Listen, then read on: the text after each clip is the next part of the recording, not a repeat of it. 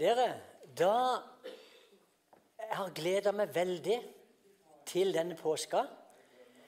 For vi skal være sammen her nesten hver dag. Både tirsdag, og så er det torsdag og fredag og søndag mandag. Så jeg tror Herren, Og vi begynner i dag med palmesøndag, så det blir jo det vi kaller som en sånn slags påskevandring. Der vi på de enkelte dagene går inn i det som skjedde med Jesus i påska. Og, og det er fantastisk altså at eh, når vi tenker evangeliene Har eh, nevnt det før, men det er liksom som, som evangelisten. De bare står og spinner etter å komme til påske.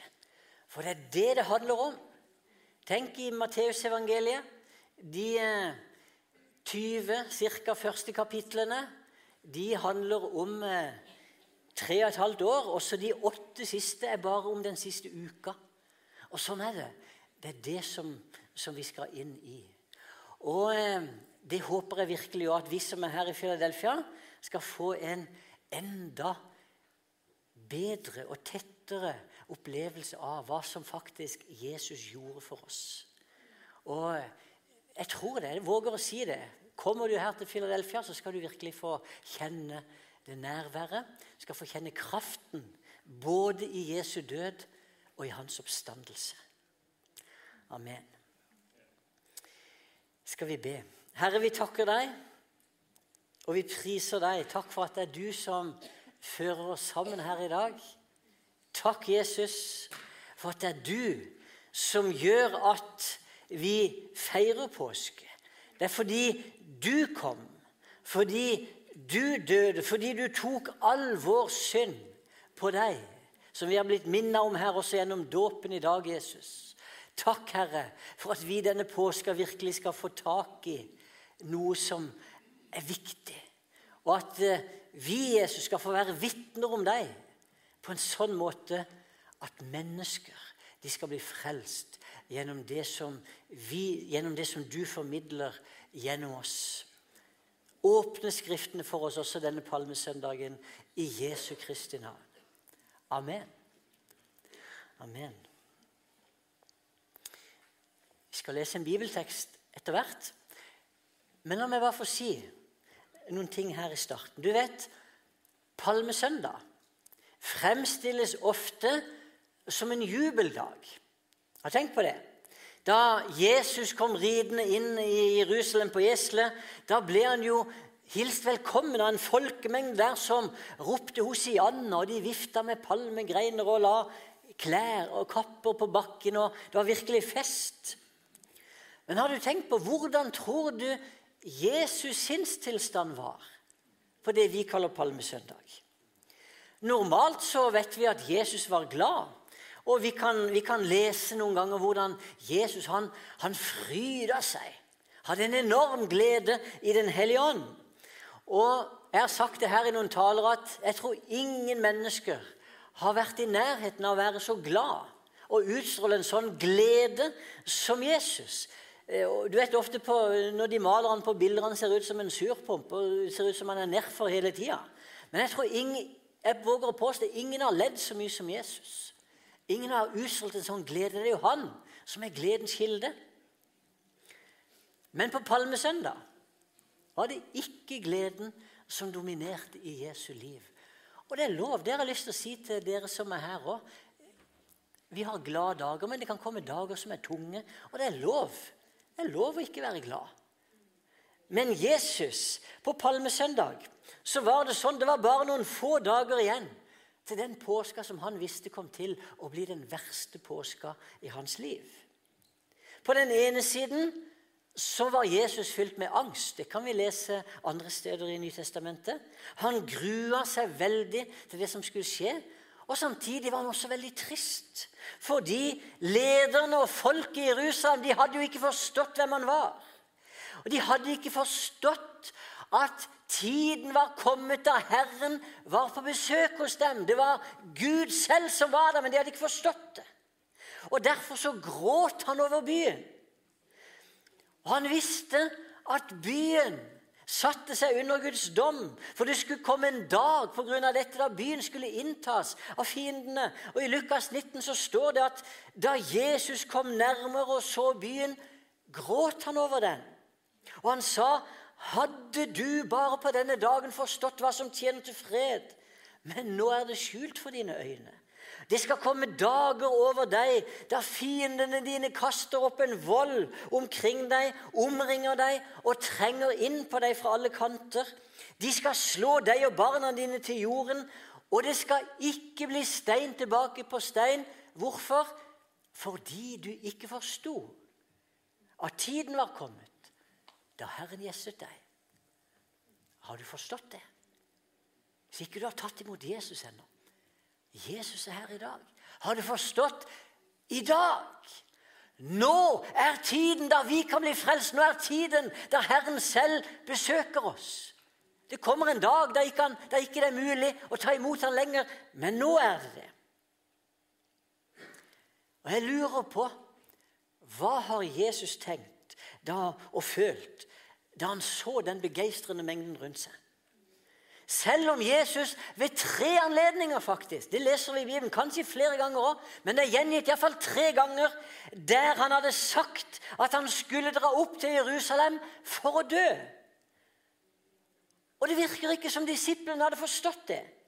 Jesus han hadde fortalt til dem han skulle utleveres i syndige menneskers hender, og at de skulle piske og håne ham, og deretter korsfeste ham. Han sa det. Se, vi går opp til Jerusalem. Menneskesønnen skal overgis til presten og de skriftlærde. De skal dømme ham til døden, overgi ham til hedningene. Og han skal bli hånt og piska og korsfesta, og tredje dagen skal han reises opp. Det er interessant med oss mennesker noen ganger hvor lite vi forstår. På palmesøndag, da Jesus var trist og engstelig jubla disiplene som noen gale. På påskedag, da Jesus hadde stått opp, så satt de livredde og forskremte bak lukkede dører. De trodde jo ikke engang på kvinnene som hadde sett Jesus i live. Dersom de hadde forstått Jesu ord, dersom de hadde trodd på hans ord, da hadde de stilt opp utenfor graven den morgenen med hornorkester og flagg og lovsangskor og liksom venta. Nå skjer det, for Jesus har sagt han skal stå opp i dag. I stedet så satt de bortgjemt. På palmesøndag, da de skulle ha trøsta Jesus og delt sorgen med han, så var det motsatt.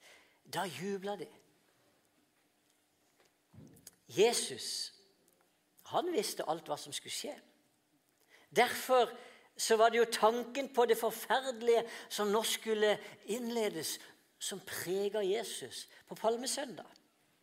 Han hadde begynt å grue seg så mye til den hendelsen at hans sjel den ble fylt med angst. Det står det.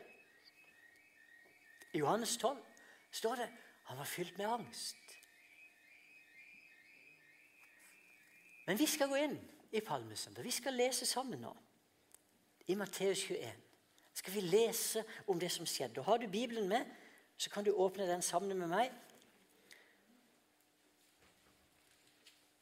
Matteus 21, fra vers 1 til 17. Og De ekte biblene løfter vi alltid høyt, og de uekte de leser vi sånn forsiktig. Men det er det samme ordet. Men når Bibelen er åpen, så taler Gud, og når Gud taler, så skjer det noe. Hør åssen det står. Matteus 21, 1-17. Da de nærmet seg Jerusalem Unnskyld. Jo. Da de nærmet seg Jerusalem og kom til Betfage ved Oljeberget, sendte Jesus to av disiplene av sted og sa til dem.: Gå inn i landsbyen som ligger foran dere. Der skal dere straks finne et esel som står bundet og har en fole hos seg. Løs dem og lei dem hit til meg. Om noen kommer med spørsmål, skal dere svare, 'Herren har bruk for dem.' Da skal han straks sende dem med dere. Dette skjedde for at det ordet, skulle, at det ordet skulle oppfylles som er talt gjennom profeten. Si til datter Sion, se, din konge kommer til deg, ydmyk er han og rir på et esel, og på trekkdyrets fole. Disiplene gikk av sted og gjorde som Jesus hadde sagt, og hentet eselet og folen. Så la de kappene sine på dem og satte seg opp. Mange i folkemengden bredte kappene sine utover veien. Andre skar greiner av trærne og strødde på veien. Og mengden som gikk foran, og de som fulgte etter, ropte Hosianna, Davids sønn! Velsignet være Han som kommer i Herrens navn! Hosianna i det høyeste! Da han dro inn i Jerusalem, ble det uro i hele byen, og de spurte, 'Hvem er dette?' Og mengden svarte, 'Det er profeten Jesus fra Nasaret i Galilea.' Og hør Så gikk Jesus inn på tempelplassen og jaget ut alle dem som solgte og kjøpte der. Han veltet pengevekslernes bord og duehandlernes benker og sa til dem. Det står skrevet Mitt hus skal kalles et bønnens hus, men dere gjør det til en røverhule. På tempelplassen kom noen blinde og lamme til ham, og han helbredet dem. Men da overprestene og de skriftlærde så underne han gjorde, og hørte barna som ropte i helligdommen, Hosianna, Davids sønn, ble de forarget og spurte ham, Hører du hva de sier? Ja, svarte Jesus, har dere aldri lest? Fra småbarns og spedbarns munn har du latt lovsang lyde. Så forlot han dem og gikk ut av byen til Betania. Der ble han natten over.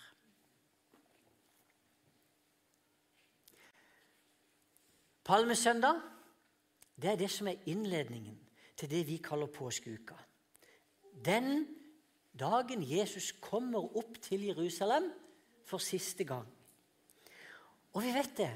Han hadde ikke gleda seg til dette besøket. For som jeg sa, han visste om noen få dager skulle han bli utlevert, og så skulle disse forferdelige tingene skje med han. Men det står skrevet før, når vi leser evangeliene, han måtte. Det var nødvendig at han dro til Jerusalem. Han måtte bli korsfesta. Han hadde ikke noe annet valg. Derfor måtte han dra opp til Jerusalem, for bare sånn kunne menneskeslektens synd bli sona. Og det starter med palmesøndag. Hva handler palmesøndag egentlig om? Hva er budskapet som jeg, som jeg tror Gud ønsker vi skal få tak i denne dagen? Jo, vi vet det. Jesus kom ridende på et esel, og det var jo sånn sett oppfyllelsen av en gammel Messias-profeti, talt gjennom profeten Zakaria 400-500 år før Jesus ble født. For der sto det:" Si til datter Sion, se din konge kommer til deg, ydmyk er han og rir på et esel på trekkdyrets fole. Så Jesus måtte komme sånn.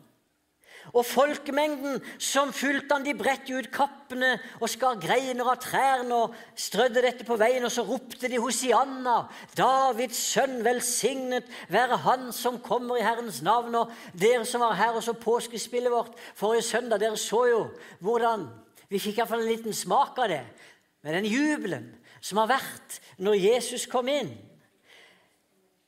Jeg har vært i India i, flere påsker for noen år tilbake. og Der, der hadde, de, hadde, de, faktisk det inn i, inn i, kirkene. Hele forsamlingen de hadde palmegreiner og sang og dansa inn på palmesøndag. Så vi får en, en fornemmelse av det. Men hva handler palmesøndag egentlig om? For det er lett å se palmegreinene. Det er lett å se eselet for seg. Det er lett å høre disse høye ropene som de hadde. Men det er bare de ytre tingene. Vi må jo få tak i selve budskapet. Og noen ganger kan vi bli så opptatt av det som skjer rundt, at ikke vi får tak i det som er poenget.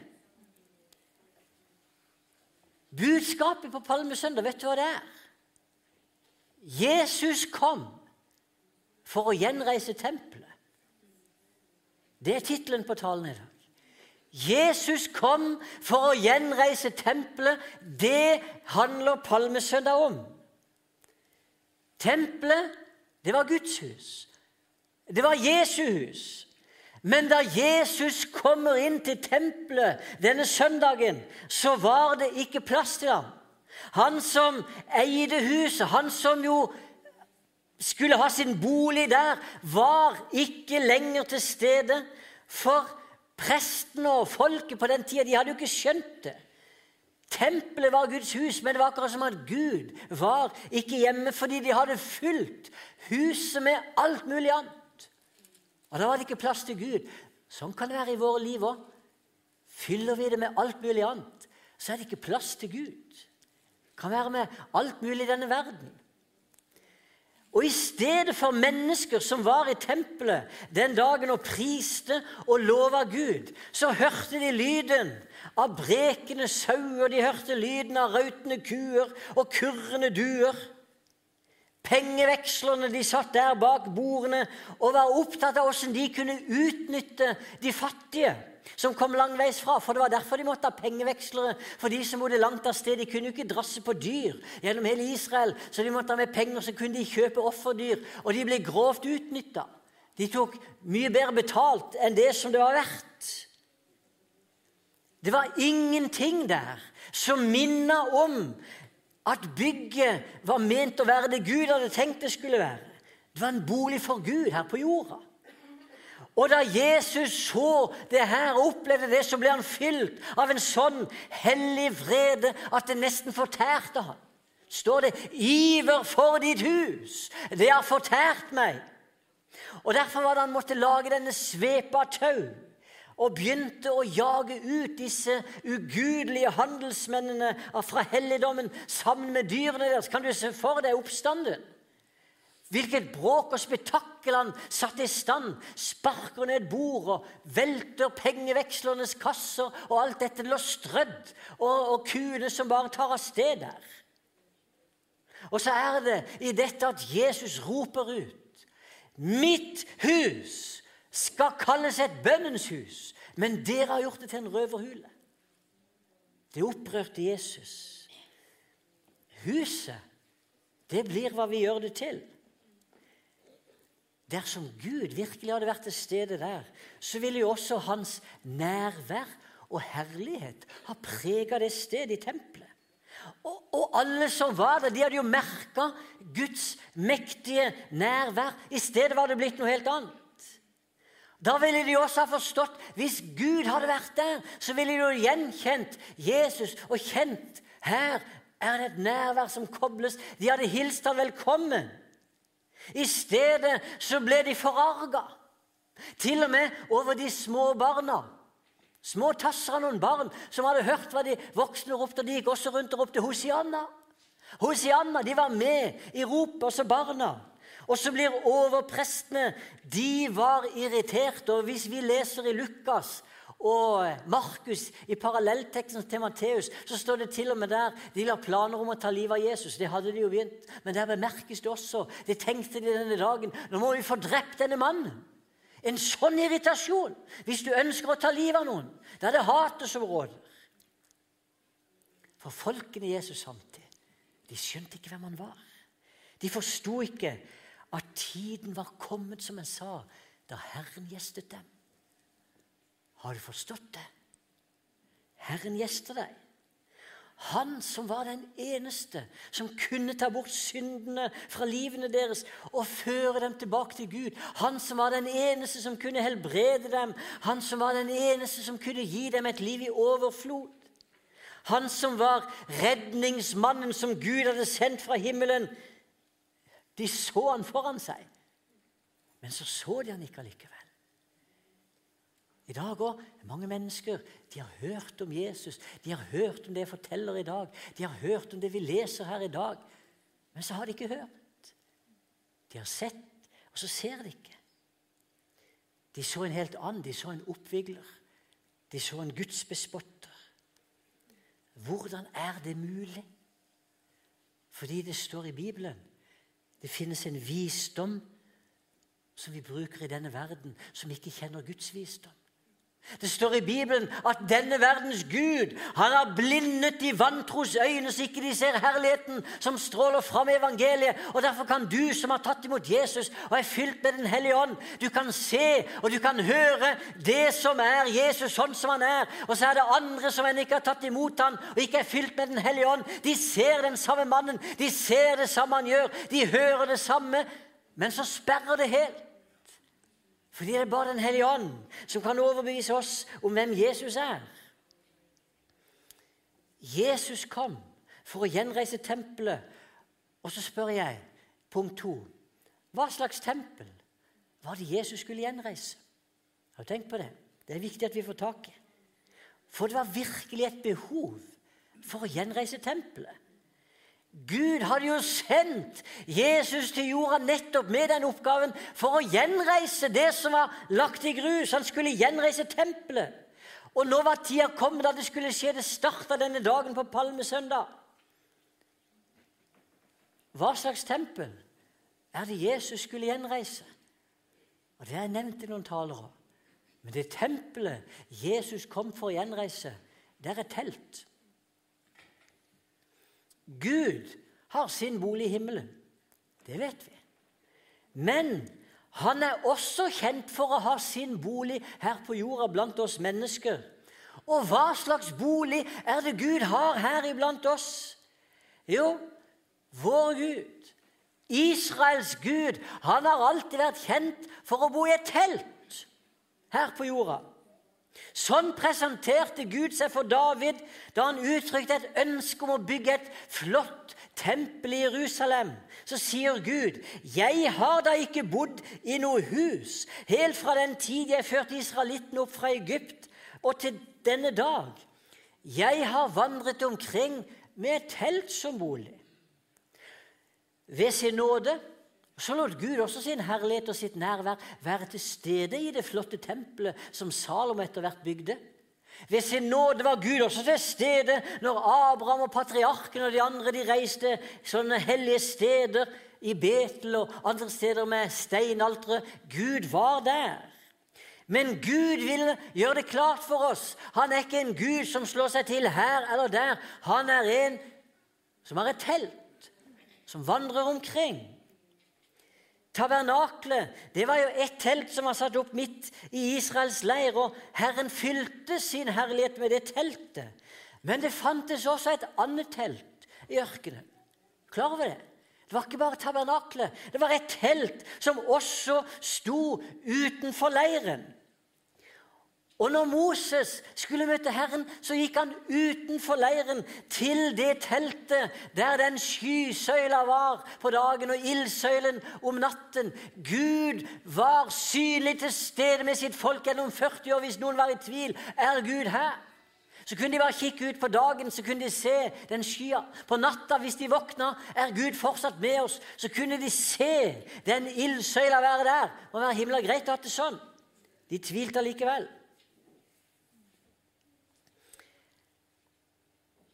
Men Moses han møtte Gud i teltet. Og Derfor kalte han faktisk det for telthelligdommen. Telthelligdommen. For det var Guds nærvær som var til stede der. Og Josfa, som senere ble lederen folket, for folket Det står det som en ung mann, som en ung gutt. Han var alltid der. Han forlot aldri teltet, for han hadde opplevd her er den levende Guds nærvær. Og en som har smakt nærværet av den levende Gud, han vil være der. Men det var teltet. Og det er herlig å være i teltet til den levende Gud, for det er der Hans herlighet og nåde blir åpenbart. For der Gud er, der er jo også alltid Hans herlighet, alt det som er i Han, med nåde og godhet og kjærlighet og herlighet og alt dette som er i himmelen. Det er jo Gud som er bærer av det. Og Da Johannes skulle introdusere Jesus i begynnelsen av sitt evangelium, så er det dette han fokuserer på. Nå har han kommet som bringer Guds nærvær til jorda. Han som, har, han som er den levende Gud. Det er han som er åpenbart i Jesus Kristus. Og de kunne se det med egne øyne fordi det var teltets, og det var herlighetens Gud som var blant dem. Og når Johannes skriver i Johannes 1,14.: Ordet ble menneske og tok bolig blant oss, og vi så hans herlighet, en herlighet som den enbårne sønn har fra sin far, full av nåde og sannhet, så er det dette det handler om. Det er teltet det handler om. For når det står at han, han, han eh, ordet ble menneske og tok bolig blant oss, det greske greske ordet som brukes der, det er at ordet ble menneske og slo opp sitt telt iblant oss. Sånn var det han ble presentert. For at folk skulle skjønne det er den levende Gud. Han som bor i et telt. Det er han som har kommet. Peter hadde også forstått sammenhengen mellom Gud og teltet. Da han og Johannes og Jakob en dag fikk være med Jesus opp på fjellet, så møter de der, sammen med Jesus, Moses og Elias. Og Jesus blir forvandla, de får se Jesus i hans herlighet. Klærne blir hvitere enn det går an å, bleke de her på jorda. Så det går ikke an å få så hvite klær, for de fikk se Jesus i hans himmelske kropp. Og hva er det Peter sier? Så sier han skal jeg, bygge, skal jeg reise tre telt? Ofte står det, det står ofte oversatt med hytter på norsk i de norske oversettelsene. Men det er telt. Skal jeg reise tre telt? Ett til deg, Jesus, ett til Moses, ett til Elias. Og så tenker vi at det går an å være så steinhakke dum, Peter. Tenk å foreslå at du skal reise opp telt. Skal jeg si det nå? Peter han hadde fått en dyp åpenbaring i den levende Gud. For han hadde forstått den Jesus som vi bekjenner, han er den levende Gud. Det er teltets Gud. og Derfor var det helt naturlig å foreslå at han skulle reise opp tre telt. Det var bare én ting Peter ikke hadde forstått. Det var at de teltene som menneskene reiste, den tiden var forbi. Det var ikke den type telt som Gud lenger skulle bo i. Nå var det kommet en ny tid. Det var ikke et jordisk telt. Fordi det teltet som det nå var snakk om, det var Jesu egen kropp. Det er teltet. Det var en lang omvei, syns du sikkert. Men jeg ville vi skulle få tak i det bibelske anliggende her. Men det teltet som Jesus skal gjenreise, det er hans egen kropp. For du ser, teltet viser at Gud bor ikke et bestemt sted på jorda. Gud han er en Gud som beveger seg med sitt folk. Det er ikke sånn han sier 'Her er jeg'. Det var sånn i den gamle pakt. Her er jeg. De måtte gå til bestemte steder. Den tiden er forbi. For der vi er, det er kommet en tid, sa Jesus, der vi skal ikke tilbe Gud i Jerusalem. Vi skulle ikke tilbe Gud på Garisim, på fjellet oppe i Samaria. Men vi skal tilbe Gud i ånd og sannhet. Så der hvor vi er, du som tror på den levende Gud og har tatt imot Jesus, der er teltet, der er den levende Gud sammen med deg. Og Det er det Jesus ville si til den samaritanske kvinnen, og det er det han sier til oss i dag. Det finnes et telt.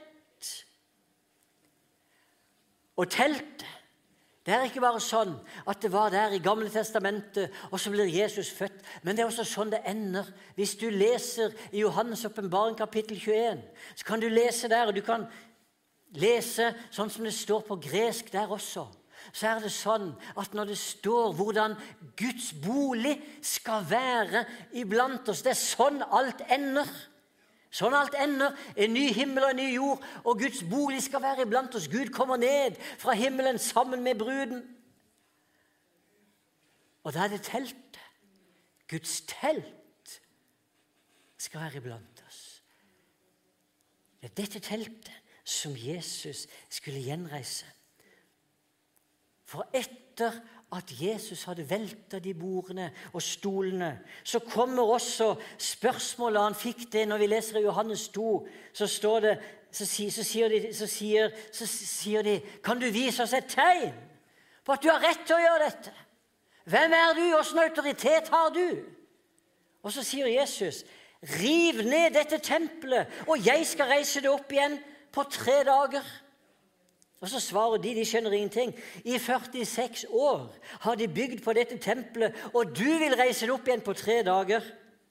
Og så føyer Johannes til, sånn som han ofte gjør, for å forklare. Men det, det tempelet han talte om, var hans egen kropp. Jesus skulle gjenreise tempelet. Han skulle gjenreise den kroppen. Og du ser, verden trenger et gjenreist tempel. Da Jesus kom til Jerusalem, så lå, så lå tempelet åndelig talt i ruiner. Herrens herlighet hadde jo forlatt dette tempelet for mange hundre år siden. siden. Esekiel fikk jo se med egne øyne hvordan Herrens herlighet Han pakka sammen tinga, og så bare drar han ut av tempelet. Og Herrens herlighet kom ikke tilbake til det tempelet i Jerusalem. Hadde Herrens herlighet vært der, så hadde de oppført seg på en helt annen måte. Tempelet i Jerusalem, det er ikke det som skal gjenreises. Det var ikke det Jesus sikta til. For Esekiel han fikk ikke bare se at Herrens herlighet forlot tempelet, men han fikk også se at det kom tilbake.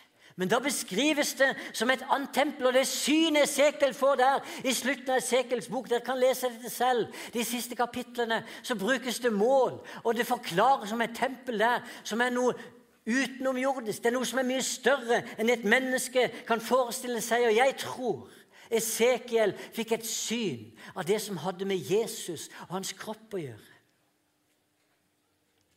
Og når Jesus sa 'riv ned dette tempelet', og jeg skal gjenreise det på tre dager. Han talte om sin egen kropp. Og vi trenger Vi trenger en gjenreist kropp i verden. Vi trengte en Jesus som kunne bli et sånt tempel, fordi verden vakler. Det rører seg. Folk skjelver. Verden fungerer ikke, men vi trenger et fast holdepunkt. Vi trenger et tempel, vi trenger en kropp.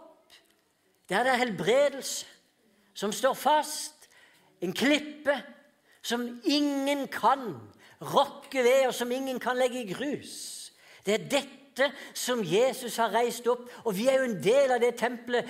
Vi kalles til og med de levende steinene. I 1. Peters brev så gjør vi det. Vi er levende steiner. Jesus bygger sitt tempel av oss og med oss. Vi får være med på noe stort. Og det er dette det handler om, ser du, på palmesøndag. Den sorgen Jesus hadde. De hadde mista det helt. Men det skulle komme et tempel. Det skulle komme noe som var så bra at det står inn i all evighet. Og så er det sånn til slutt Palmesøndag.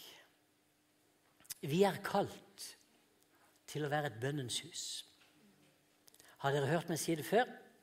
Jeg har sikkert sagt det 50 ganger, 60 ganger de siste tre årene. Sier det hele tiden. Og det er det, og ikke bare sier det, det er det vi ønsker å leve etter. Er det ikke det? Vi vil være et bønnens hus. Jesus ble opprørt i sin ånd fordi det flotte bygget der som var ment å skulle være et bedehus. For det de hadde bygd. Et bedehus, sånn som er bygd i Norge òg. Bedehus. Tygg på ordet. Det er bønnehus. Det var derfor forfedrene våre de reiste så mange bygg, for de skulle ha et bedehus. De trengte et sted der de kunne komme sammen og søke Gud. Og For Jesus så var jo tempelet i Jerusalem det var hans fars hus. Og Det var jo derfor han hadde en sånn brennende iver for dette huset. Vi leser jo allerede som tolvåring. Så hadde jo han en klar fornemmelse av hva dette skulle være da han ble igjen på påskefesten der, og foreldrene dro av sted. Og Så kommer Josef og Maria tilbake, og så finner de han etter tre dager i tempelet når han sitter sammen med de skriftlærde. Og det var han som underviste dem, og de var forbløffa over hans kunnskap. Og når Maria spør han Åssen han kunne gjøre dette mot dem og bare, for, bare bli igjen uten å si ifra. Så er det han sier det. Skjønte dere ikke at jeg måtte være i min fars hus? I bønnehuset? Og Jesus Det var ikke bare tempelet i Jerusalem. Men da Jesus var her, så var han et bønnehus. Han som person var som et bønnehus. Han trakk seg ofte tilbake til ensomme steder og ba. Tidlig på morgenene mens det ennå var mørkt, og disiplene fikk se det. Hva er det som skjer? Og de begynte å spørre han om dette med bønn. Vi er også kalt til å være et sånt bønnehus. Og når jeg sier 'vi', så mener jeg det på to måter. For det første så er vi kalt til sammen å være et sånt bønnehus. Derfor så skal dette bygges, selv om i den nye pakt så har ikke bygg den samme betydningen som de hadde i gamle pakt. Men jeg har likevel sagt det. Dette stedet her, det er vårt Betel.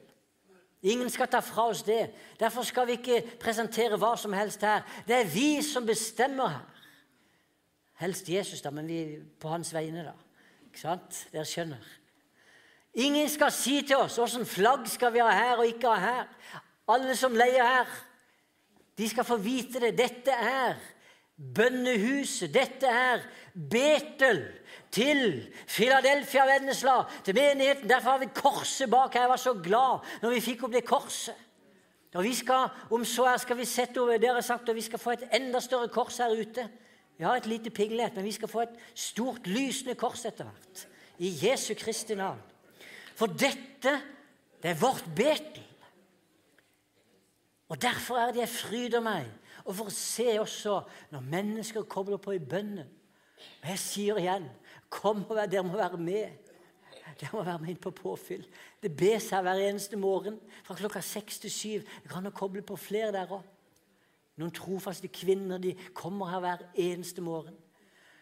Men kom og vær med i det bønnefellesskapet. Det er dette som Jesus reiser opp fordi det Jesus gjør i verden, det forløses gjennom bønnen.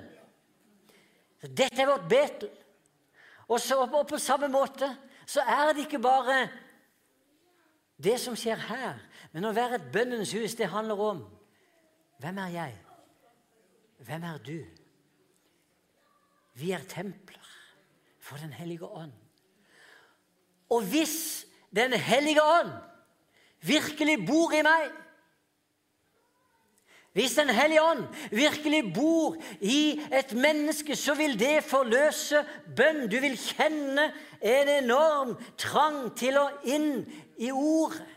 Du vil kjenne en trang til å be fordi Den hellige ånd Han er også bønnens ånd. Det er en av titlene på Den hellige ånd.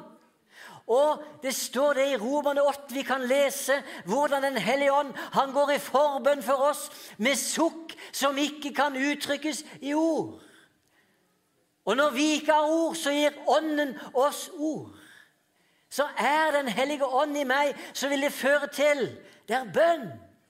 Nærhet til den levende Gud, for han trekker oss inn i dette. Hvis ikke du kjenner en sånn trang, så må du be om at Jesus virkelig fyller deg. Må du be om at du virkelig kommer inn i det som Jesus snakker om her, og som har med det gjenreiste tempel å gjøre. Det er palmesøndag. Han kom for å gjenreise tempelet. Dere må komme fram, Hilde og teamet.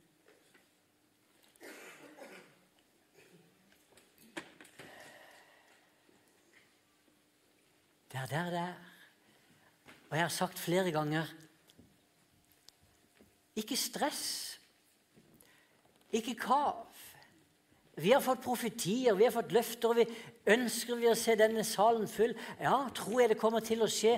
Ja, det er jeg overbevist om. Men vårt fokus må ikke være å, nå skal vi fylle salen, nå skal vi gjøre sånn, nå må vi ha strategi sånn at det kan skje. Vårt fokus må være det som Jesus roper ut, tror jeg. Nå bruker jeg mine ord, men jeg tror det er det han roper ut på palmesøndag. Kom nærmere. Kom inn til meg. Vær et bønnehus. Vær det i forsamlingen. Vær det når du er hjemme hos deg selv. Et bønnens hus for alle folk. Det var det som Jesus drømte om. Profeti fra Jesaja, det var der det sto. Jesus bare siterte fra Guds ord. Mitt hus skal være et bønnens hus for alle folk. Takk og lov for at det står alle folk, at ikke det bare var for Israels folk, men det er for alle folk. For i dag Det mektigste nærværet av Gud, det er der hvor Jesus er. Det er herlig å reise til Israel. Men Jesus er like mektig til stede her. Og der han er, der er den levende Guds nærvær. Der du er, du som er et sånt bønnehus, der du er, der er det Jesus som er mektig til stede.